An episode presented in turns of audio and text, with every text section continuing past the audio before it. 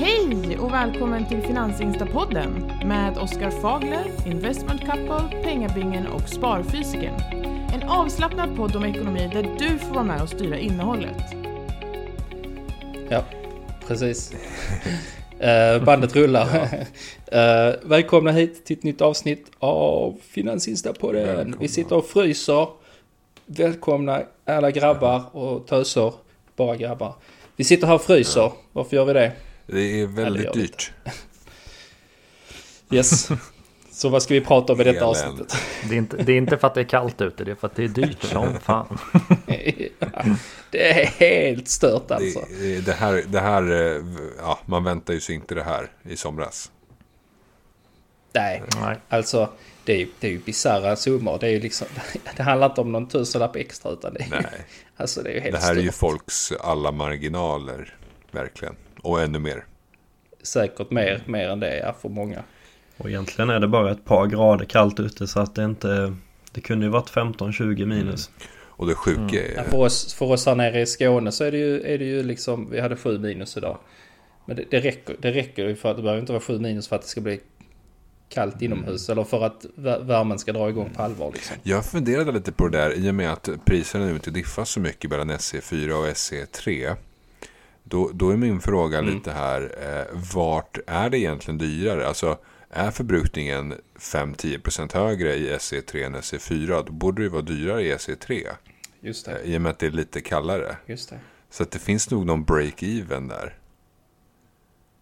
Precis. Någon spread, liksom, om det kostar lika mycket eller lite, lite mer hos er så kanske ändå är dyrare i SE3 va?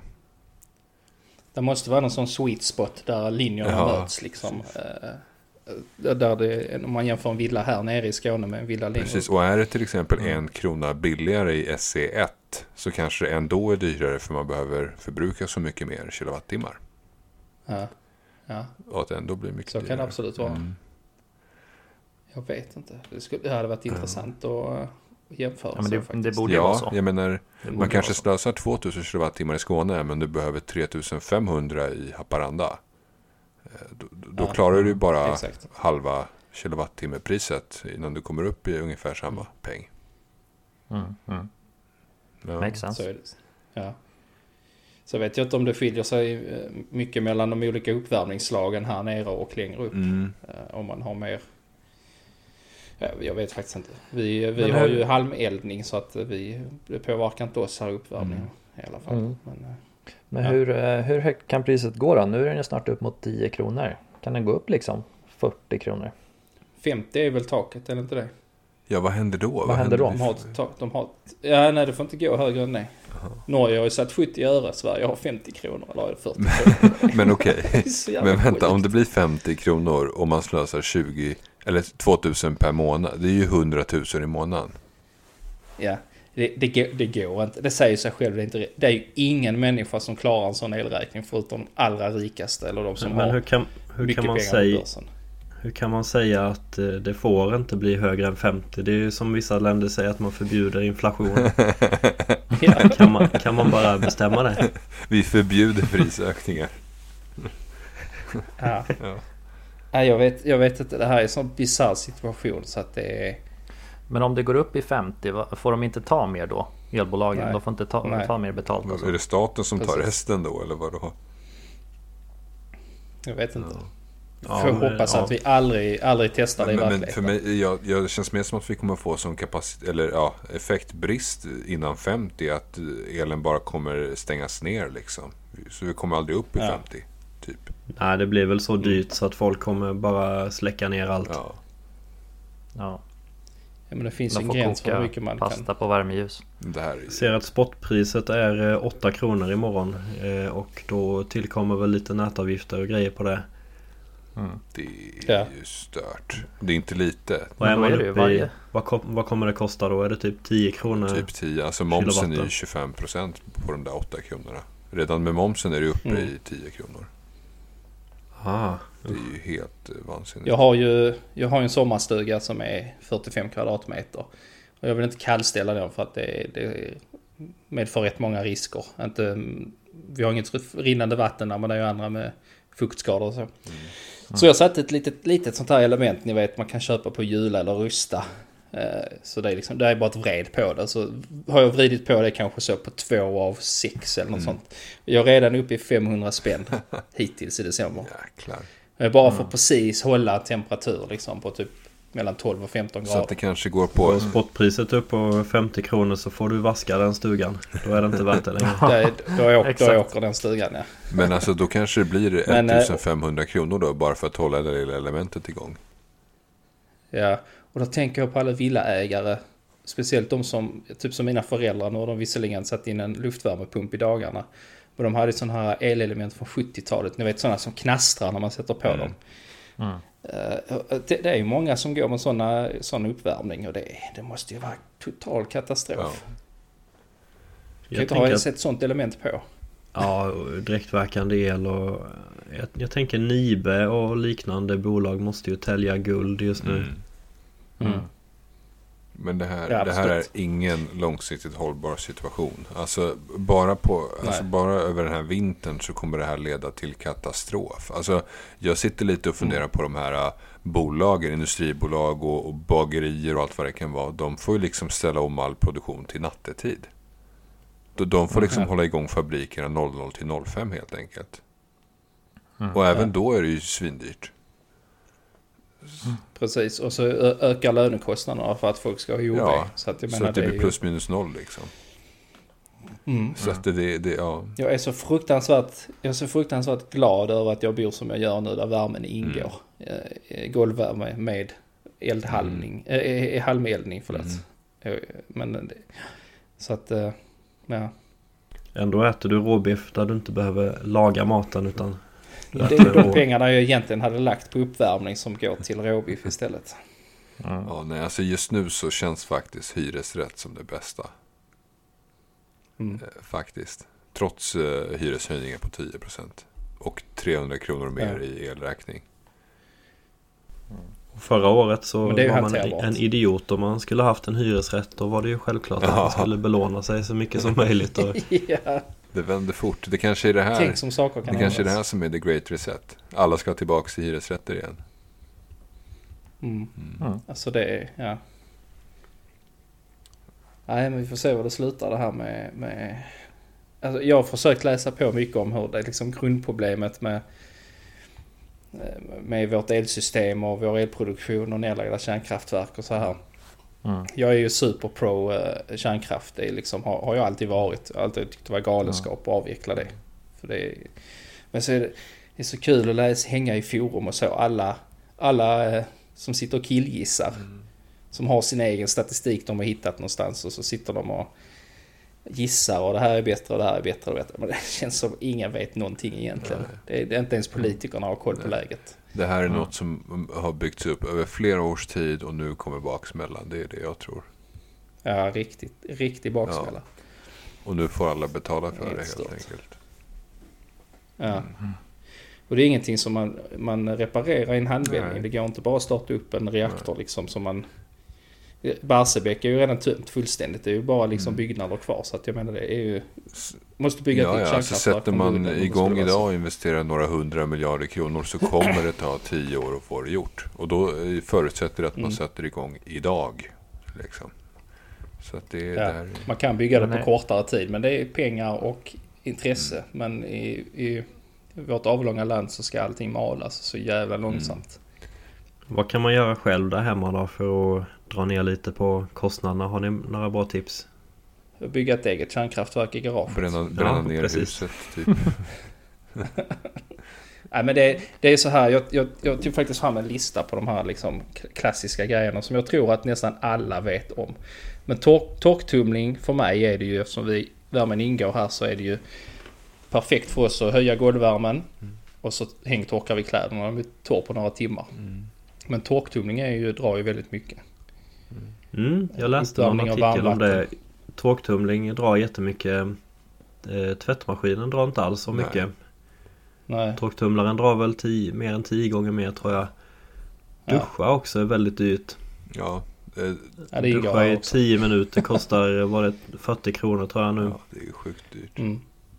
Men det bästa, bästa spartipset är egentligen att uh, sänka temperaturen hemma. Jag tror varje grad man sänker är ungefär 5% lägre förbrukning. Så Jag har, jag, har en, jag har en sån eh, termometer här med det värsta till det, det som drar mest till det som drar minst. Så värst är ju då uppvärmning av varmvatten. Sen kommer golvvärme och handdukstork. Sen kommer tvättmaskin, torktumlare. Sen kommer en kyl, frys, diskmaskin. Sen har vi belysning. Och sen har vi elektronik i standby-läge. Men på tal om eh, handdukstork där. Jag duschar varje Ja. dag. Eh, och jag Ja. har en handdukstork. Men jag använder aldrig handdukstorken. Varför ska man Nej. använda den? Vi har den ibland för att torka vantar och sånt till barnen. Man kan ha det snabbtorka grejer på vantar och sånt här som har blivit blött. Mössor. Mm. Men eh, det känns som en sån här lyxgrej man har på hotell och lite så. Jag vet inte. Mm. Golvvärme är väl en sån som drar sjukt mycket också. Eh, tänker jag. Eh, Det, det, Ja, om man har sånt där. Ja, precis. Typ badrumsgolvvärme. Ja. Men kyl, frys och diskmaskin, visst. Kyl och frys är någonting du måste ha på alltid. Och sen vill du kanske inte ha för kallt för att då fryser grejer i kylen och sådär. Eh, Men sånt där drar inte så diskmaskin. mycket. Inte diskmaskin heller, tvättmaskin. Det är väl mer det här med tork och liksom dusch och, och värme och sånt där. Golvvärme brukar ju Ja. också dra. Man brukar säga att en kvadratmeter drar en kilowattimme i eh, timmen eller något sånt där. Det är Mm. rätt mycket. Men är, är det elektrisk golvvärme då? Där man har elslingor eller är det vattenburen golvvärme ni pratar om? Elslingor då. Ja just det. Ja det måste vara väldigt dyrt. Mm. Mm. Men det är inte så vanligt längre eller? Nej, mest i lägenheter, bostadsrätter kanske. Ja, för bygger man nya hus och sådär så är det ju vattenburen eh, vol- golvvärme Mm. som gäller tänker jag. Ja, det är lite annat. Vi, vi, vi har ju vattenburen. Här, är- det här är byggt eller renoverat 2018. Så här är vatt, vattenburen i alla rum i hela Mm. huset. Så, men det är som sagt var det ingår ju. Men tar man till exempel en glödlampa på 40 watt så tar det ju 25 timmar för den att dra en kilowattimme. Det är ändå ett dygn liksom. Ja, Mm. lampor, lampor tror jag inte är sådär. Nej, det är inte så farligt. Eh, Men visst man kör förbi vissa hus, det ser ut som de är upplysta som julgranar. De har yt- ytterbelysning och alla rum tända. Tända, garaget tänt, Mm. uppfarten. Eh, Så, så då, kan det, då kan det ju säkert Men jag brukar iväg. tänka så har man typ 10 lampor tända hemma eh, i, i 10 timmar i snitt. Eh, alltså det är typ 3-4 kilowattimmar per dag. Det är inte så mycket. Ja. Mm. Men, men har du mycket tänt hemma då, sparfysiken för din... I och med att det ingår och Nej. sådär? Nej, eh, elen ingår inte. Nej Eh, okej. Det får du Nej. betala. Nej, men jag har alltid varit så här. Jag går alltid och släcker efter min sambo och och efter barnen. För jag tycker det är onödigt. Alltså bara oavsett om det är billigt eller dyrt med el så behöver man inte ha tält. Mm. Och sen ser man ju också, alltså det här med, alltså hushållselen är ju verkligen en minimal del av förbrukningen för hus. Det är ju mest värme alltså. ja. Alltså, det är bara att jämföra med en lägenhet, en stor lägenhet. Den drar ju bara några hundra kilowattimmar per månad. Och tittar man ett hus så är det Mm. 2000 kanske. Det är bara värmen liksom Mm. som diffar. Ett stort problem för mig som har mycket det är ju elbil. Mm. Eh, Det är billigare för mig att ladda på jobben och ladda här hemma. nu. Galet. Så, det, så det är också en grej om man har elbil att man kan leta efter laddare som är billigare. Eh, Och så laddar man där istället för hemma. Ja, det är något jag också ska jag börja i det och fundera laddar på. hemma när jag behöver. Jag, jag ska också börja fundera på det här med elbilsladdningen så att man kommer undan lite billigare framöver. Ja. Hur gör du Oskar med el- elbilen? Jag? Ja. Eh, jag laddar gratis hos päronen. Ja det är smart. Lämnar du tvätt, lämnar du tvätt där också då? Nej, jag, kom, jag kommer på middag och sen råkar jag koppla in Råkar. bilen där några timmar och sen Äter gratis. Exakt. Och så tar du med lite skrynkliga de skjortor hade- som de stryker. Och... Exakt. Lämna tvätten. Jävlar Nej, vilken elräkning vi fick här Oskar. Bra röst där också. Nej men laddan sitter faktiskt hos dem så jag brukar ladda där. Sen hade Ica, eh, Ica Maxi hade ju gratis laddning här i, i typ ett halvår. Så där Mm. varje gång jag handlar så stannar jag och, laddar där och det räcker ju typ för jag kör inte så mycket. Jag har inte så långt till jobbet. Jag, jag drar inte så mycket. Eh, bilen förbrukar inte så mycket. Eh, alltså det Mm. brukar räcka. Men nu har de ju, nu när jag laddade där sist eh, så trodde jag fortfarande det var gratis och sen så bara kollade jag, så då tog de ju 5 kronor KWH. Oj, oj. Mm. Eh, och då bara, ha, ja, ja. Så nu laddar jag inte den och mer. Men hade inte Tesla eh, när de släppte Model S eh, i början eller något sånt där att de hade gratis Nej, Model X. Model X, Model X. gratis Ja. laddning Men de eller? har ju det fortfarande Ja. på Model S och Model Livstid. X. De här gamla. Hur länge gällde det eller var det lifetime? eh? Ja, det är life, lifetime. Så Oj, att många taxiförare till exempel ser ju det som en grym, eh, grym grej. För att de har ju Model S-or från 2014 typ. Eh, och så Ja. har de ju Mm. ofta på garantin hunnit byta batteri och sånt där. Eh, och de behöver ju inte lägga en krona på eh, laddning. Utan de liksom laddar på Tesla Oj. Superchargers lite kring Stockholm. Riktigt bra. om de skulle sälja en sån bil då hänger det med till nästa ägare eller? Eh, ja, det gör det. Det följer bilen. Det måste ju vara värd en förmögenhet nu Ja, då. alltså de bilarna håller typ, kostar fortfarande en halv miljon även fast de är åtta år gamla. Ja, Men tänk, tänk ju vad, vad en sån taxiförare lägger på bensin kontra mo- mot vad Teslan, som ju är gratis, drar liksom. Det blir Mm. otroligt bra. Det hade varit kul att veta vad en taxichaufför i, i Storstockholm eh, kör per månad typ. Eller per år. Alltså, ja. Ja, men jag, snack, jag snackade med en, eh, en taxichaffis när jag laddade. Eh, och han, han, eh, han kom fram till bilen och kollade på den för han funderade själv på att skaffa elbil just för att han körde Mm. taxi. Han hade köpt någon ny så här Mercedes för 350 000. Eh, och då sa han att han la typ 200 000 på bensin Ja. varje år. Ja. Och det är liksom två år, då är det hela bilen i bränslekostnad. ja, Mm. ja. Alltså deras största utgifter är verkligen brä- bränsle och underhåll. Mm. Så är det ju. Mm. Och det var innan ihåg. de dyra bensinpriserna, by the way. Jag kommer ihåg när taxi kostade 50 spänn när jag bodde i Malmö. Det var tider. Ja, det är sjukt att Arlanda och Stockholm numera går på typ 700-800 spänn. Men man förstår ju att det Mm. måste vara så för att man ska ju betala arbetsgivaravgifter och moms och skatter och allt vad det är. oh ja, Det blir ju så. så är det ju. Ska täcka mycket. Ja. Mm. Mhm. Ja, elkaos. Som sagt var. Nej men eh, tip, tips där, raka ärliga tips. Det är eh, ha inte igång grejer som du inte behöver ha igång. Hängtorka grejer, använd inte torktumlare. Mm. Diska bara full diskmaskin. Ja. Ha jacka på dig inomhus. Ja, så det är ju, de säger det att man ska ju helst sova när det är lite kallare i sovrummet. Så det är väl ingen dum idé att dra ner på värmen. Eh, precis. Bostäder. Ska vi prata om det också? Mm. De har ju Ja. gått, gått Vad händer- ner. vad händer på den De har ju gått ner hela året. Ehm, Riktigt, riktigt mycket också. Ja, det här, Mm. har ju, det här är ju värre än senast när de gick ner eh, när amorteringskraven infördes 2017 va? Då Mm. hade man ju en nedgång där för att det blev dyrare att bo för man var tvungen att amortera och sådär. Jag tror att de gick ner nästan 10% då, priserna. Ja. Eh, Och det här tappet nu då är ju från högre höjder och eh, en högre procentsats också. Eh, Så att mellan 10 till 20 procent Mm. vad jag förstått har det gått ner sedan toppen. Mm. Man, man ser ju på Hemnet, man, jag kollar lite gårdar så, vi köpte ju aldrig gård. Utan vi har stabiliserat oss där vi bor nu, vilket vi är väldigt glada för.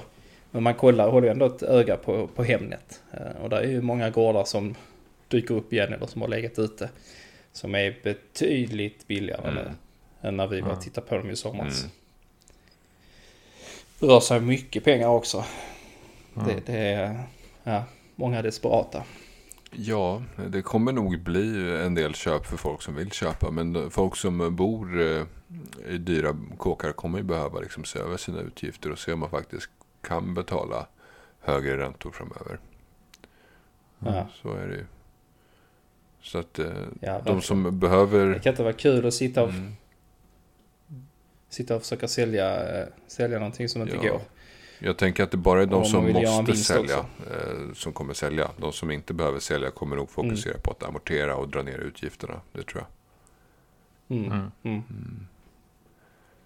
Ja, Men de egentligen som om man- säljer är nog de som inte har råd med räntorna och sen elpriset på det blir för dyrt varje månad och sen är det ingen som vill köpa så får man ser ju de sänker ju priset. Alltså man kan se det ungefär 10 miljoner ena veckan sen är den upp för 9 nästa vecka sen 8 Ja. veckan efter det. Bara för att ingen säljare nappar liksom och de måste bli av med Ja, huset. precis. Problemet är, jag tänker så här, om du sitter och ändå ska flytta Mm. så, och du vill sälja det du har. Och så ska du ta, ta det vidare in i nästa Mm. boende så blir det egentligen ingen skillnad om du har likadan procentuell Mm. minskning på ditt pris som du säljer för som du sen Precis. köper. Nej. Men du ska, så då spelar det egentligen ingen roll men du ska ju få sålt också, det är väl det som kanske är det stora problemet. Ja, och, och Mm. grejen är ju också att det här förutsätter att du köpte för tio år sedan och fortfarande har fin vinst. Ja, Alltså har du köpt senaste ett, två, tre, till och med uppemot fem åren så kan det vara så att du knappt får ut din kontantinsats eller i vissa fall inte får ut någonting ur bostaden. Det är ju där. Du kan ju få ut din kontantinsats men det är inte säkert att får nytt lån. Ja, precis. Ditt lånelöfte minskar ju rätt rejält. Du kan ju få ut din kontantinsats Mm. och sådär. eh, Och med lite tur och sådär. Men det finns ju även de som har köpt senaste två, tre åren. Som nu får en smocka och så kan de knappt få ut sin kontantinsats igen. I och med att priserna har gått ner. Ja. Så att det blir ju rätt Ja, svårt. illa. för de, de som köpt senaste tiden i alla fall. Mm. Ja, vi får nu se en hel del desperata försäljningar framöver. Det är Ja. tragiskt men så är det. Ja, så är det. Sen så kommer det ju stabilisera sig. Frågan är väl bara när. Ja, Ja, det är bara att eh, allt på en gång nu också. Allt sparkapital eh, äts upp på börsen också. Samtidigt som man Ja. behöver dem för elräkningen och Ja, det är, räntorna. inte, det är inte bra läge. Så-. Vinnarna Nej, är kanske de som har varit förlorare innan. Alltså ungdomar som eh, ska köpa sin första bostad och bor i en hyresrätt idag. Mm. Mm. De kanske får möjlighet att komma in lite billigare här. Ja. ja, men har vi ju liksom Så ungdomar som har 200 000-300 000 eller 400 000 på bankkontot och har sparat länge och sådär. Och kanske kan få en liten skjuts av föräldrar eller ja, vad det nu kan vara. Då har man nog en väldigt eh, bra position kommande året. Om man har fast jobb och sådär också. Precis. Det tror jag. Mm. Ja. Ja, ja, vad tror ni om börsen då? Kommande året? Katastrof. Nej. Börsen, stocks only go up. Jag tror 2023 kan bli ett bra år faktiskt. Ja. Mm. Är jag för optimistisk? Nej, jag? jag, jag håller med dig i alla fall. Jag är, jag är alltid optimistisk i, i det långa loppet. Sen vet man ju inte hur nästa år kommer bli heller. Men eh, ja, på lång sikt är det väl oftast ett bra läge. Mm. Jag tror mer vi ser en kräftgång Alltså- snarare än uppgång nästa år. Jag tror att det är lite för Mm, tidigt ja, ja. att börja Ja. sia om uppgång än. Men absolut, det kan ju vända. Ja, jag tänker samma. Kräftgång största delen av året. Men eventuellt uppgång mot slutet av året. Mm.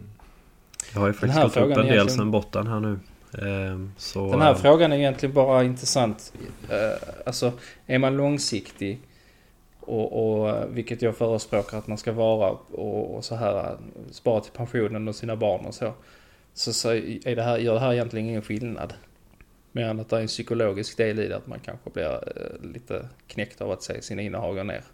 Precis, jag tror folk gör eh, överlag Alltså man, man rycks med åt fel håll när det är sådana här Ja. kraftiga rörelser Går allting jättebra då ökar man risken och går allting jättedåligt så minskar man risken och man kanske har tänkt att man ska ha ett månadssparande här nu de kommande 10-20 åren Men nu går börsen ner, då blir man rädd och så avslutar man sitt månadssparande och det tror jag är en väldigt Precis. dålig idé Mm. Mm. Nej, jag tycker forts- kan man, kan man trots alla ökade utgifter fortsätta månadsspara ska man göra det. det är, du får ju en fin, eh, eh, du får ju en fin, ett fint snitt eh, om du fortsätter som vanligt liksom på dina investeringar. Och det är ju som så att är det, är det, har börsen gått ner nu om man lyckas putta in lite pengar där och det går upp så kanske du till och med gör, gör en fin ökning. Så att bara fortsätta liksom. Mm. Tycker Och, jag. ehm, Men, Ja, ska man hålla sig uppdaterad på allt det här så tänker jag att vår sponsor för avsnittet passar bra här. Eh, och det är Dagens Industri. Eh, och de är ju väldigt snabba med nyheter kring just ekonomi och börsen. Men även elpriser och bostäder och allt vi har pratat om här idag. Eh, de skriver också om bolagsrapporter, både svenska och internationella bolag. Eh, och jag själv tycker det är ett väldigt bra sätt att hålla sig uppdaterad. Eh, vad säger ni? Nej men jag håller med. Jag är ju prenumerant på DI själv och har särskilt i år då följt fastighetssektorn mycket. De har skrivit väldigt bra artiklar.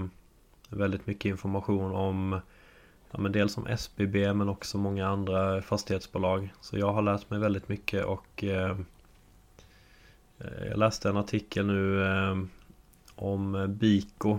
Känner ni till det bolaget? Ja, Sellink.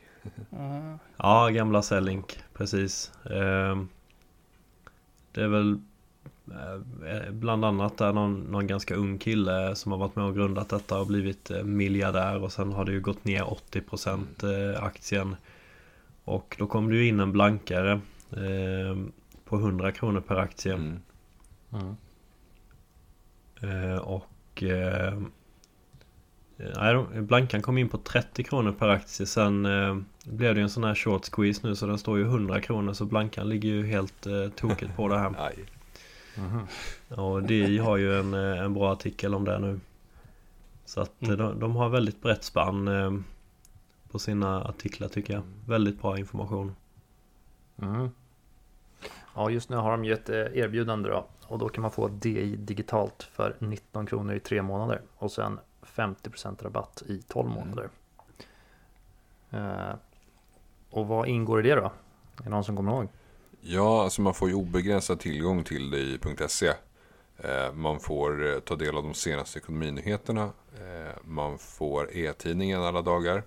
Man får också ta del av det, eh, det i Weekend digitalt. Och så får man börstips on the go. Så att det verkar ju vara Mhm. rätt mycket man får ta del av här.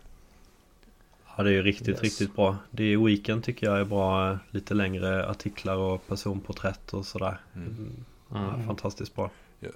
Då vet man vad pengabingen hittar. Jag ska nog faktiskt statistik signa upp på det här.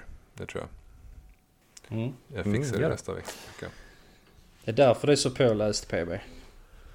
Ja men det är definitivt en av de bättre källorna. Det tycker jag. Nej, men jag Mm. gillar ju det. Jag går Ja. ju ofta in där och läser sådär och så står det ofta att ja, men man måste logga in och sådär. Det är lite frustrerande för att det brukar vara väldigt bra ingresser. Mm. och nu har man då perfekt läge här. För 19 kronor i tre månader. Och för att ta del av det här erbjudandet går ni alltså in på di.se finans. Eller så hittar ni länken i Mm. poddbeskrivningen. Mm. Alltså det är varmt tips. Mm. Mm. Gött. Ska vi prata lite kort om eh, det här året och sådär? Mm. Hur har det gått i år? Har man Ja, gjort några ändringar? Vad tänker vi framåt? Hur ser portföljerna ut? Vågar man prata om det? Man vågar Ja. men man vill Jag sålde, sålde ju rätt mycket. Jag sålde ju av stort sett allt eh, innan, innan börsen gick ner. Men det har jag sagt varför. Vi skulle Ja, köpa Du guld. hade insiderinfo, det är Eh, bara att erkänna. Men mycket av de pengarna har jag faktiskt inte satt in på börsen än. Jag har en del eh, såklart barnsparande och så. Mm. eh, Och till pensionen. Men mycket av det gick jag faktiskt in med i företaget Mm. istället. Jag kände att de pengarna arbetar till en bättre Mm. avkastning där. Än på börsen faktiskt. Och hittills så har det varit så. Snyggt. Så det är den stora ändringen jag har gjort. Ja, vi har ju, vi har ju, jag kollade det faktiskt häromdagen och då har vi gått ner ganska exakt en miljon kronor i år. Mm. Eh, och eh, med tanke på hur marknaden har sett ut och hur, hur illa det har sett ut så, och framförallt hur dåligt krypto har gått som vi är ganska tunga i så känns det faktiskt väldigt bra. Mm. Vi har haft tid att bygga kassa, Mm. vi har haft tid att, eh, att liksom avvakta lite grann och inte varit ivriga med att slänga oss på köpknappen hela året. Så att Mm. det känns ändå som att vi eh, har ett ganska bra läge nu. Tittar vi på vår nedgång och försöker analysera den lite grann så är vi ner ungefär en halv miljon i krypto. Alltså bitcoin och ethereum som vi egentligen bara äger. Andra halva miljonen som vi är ner är ju aktier och fonder. Mm. Främst då i teknikaktierna. Tittar vi på våra fonder och Opti och liknande så är vi knappt ner typ 10-15% eller så. Men tittar man på teknikaktierna så är de i många fall ner 40-50%. Eh, Och då pratar vi till exempel eh, Google, Tesla eh, ja, med flera. Sen har vi lite tillväxt, svenska tillväxtbolag och så men de utgör så liten del av portföljen så de är ju har inte påverkat portföljen i sin Mm. helhet. så. Sen så hade vi ju väldigt mycket tur förra året och sålde av en massa där i hösten 2021. Mm. Ehm, så, så, och lyckades sälja av en stora del av innehaven. Men en miljon back. Och ni sålde ungefär. också för att ni skulle köpa bostad eller, Precis. eller varför sålde ni? Både det men också Ja. för att allt, allt kändes så jäkla dyrt också. Mm. Ehm, så att vi, båda för bostad, allt använde vi inte till bostaden. eh, utan en stor del blev vi bara kassa liksom. Eh, men en stor del av pengarna använde vi till att köpa bostad. Eh, Mm. Och eh, en miljon back då i år. Och så får vi väl se hur vi gör nästa år. Men som det ser ut nu så kommer vi nog köpa en massa. Eh, vi, Mm. vi, har, vi har bara inte bestämt Nu oss kanske riktigt när. följarna undrar eh, hur du kan låta så lugn. Men eh, Ja. jag tänker ju också ner miljonbelopp och ändå är vi Ja. rätt coola liksom. Mm. Men det är väl också för att vi är så långsiktiga. Så att vi ska inte ha pengarna kommande månaderna liksom. Det är flera Nej. år fram. Mm. Så även om det är trist att se portföljen typ halveras så finns det hopp, känner jag i alla fall. Ja, och framförallt är det skönt att tänka i relativa termer. Alltså är vi nere i en miljon så är ju folk som har liknande typ av förmögenhet som vi också nere kring miljonen. Mm. Så att det känns ju rätt lugnt liksom. Mm. Eh, Jag tror vi pratade om det någon gång hur mycket familjen Persson var nere i, där när det kraschade 2020 i början och Mm. Eh, ja, Fredrik Lundberg och de här miljardärerna det var ju hur mycket pengar som helst och de är säkert inte så oroliga heller för de har ju med ett långsiktigt perspektiv.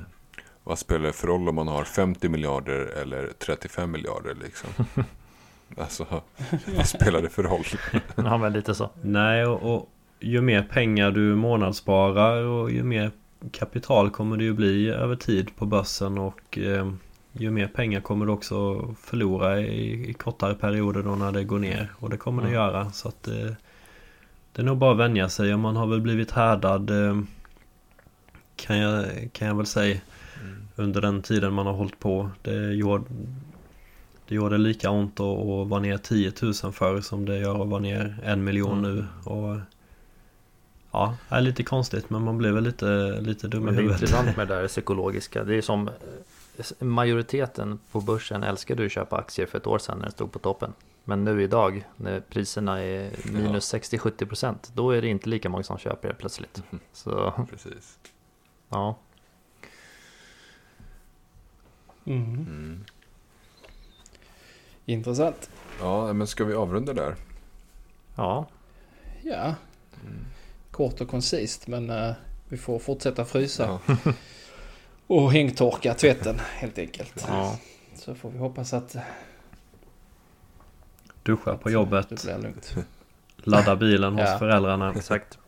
lämna Precis. tvätten hos föräldrarna, Japp. äta hos föräldrarna. Oskar. Exakt. Ja. Ja. Ja, nej, men vi får väl, vi får väl skicka ut en, eh, en liten lyckönskan höll jag säga. Men någonting att vi hoppas att, att alla klarar Mm. sig eh, i detta. Det finns eh, de som har det värre i andra länder, speciellt Ukraina till exempel. Så Mm. vi ska vara glada för att vi åtminstone kan tända våra lampor. Absolut. Verkligen. Faktiskt. Så är det. Men eh, ja, Bra. tack och hej Tack och hej. Ha det Tack, bra. tack. Hej då.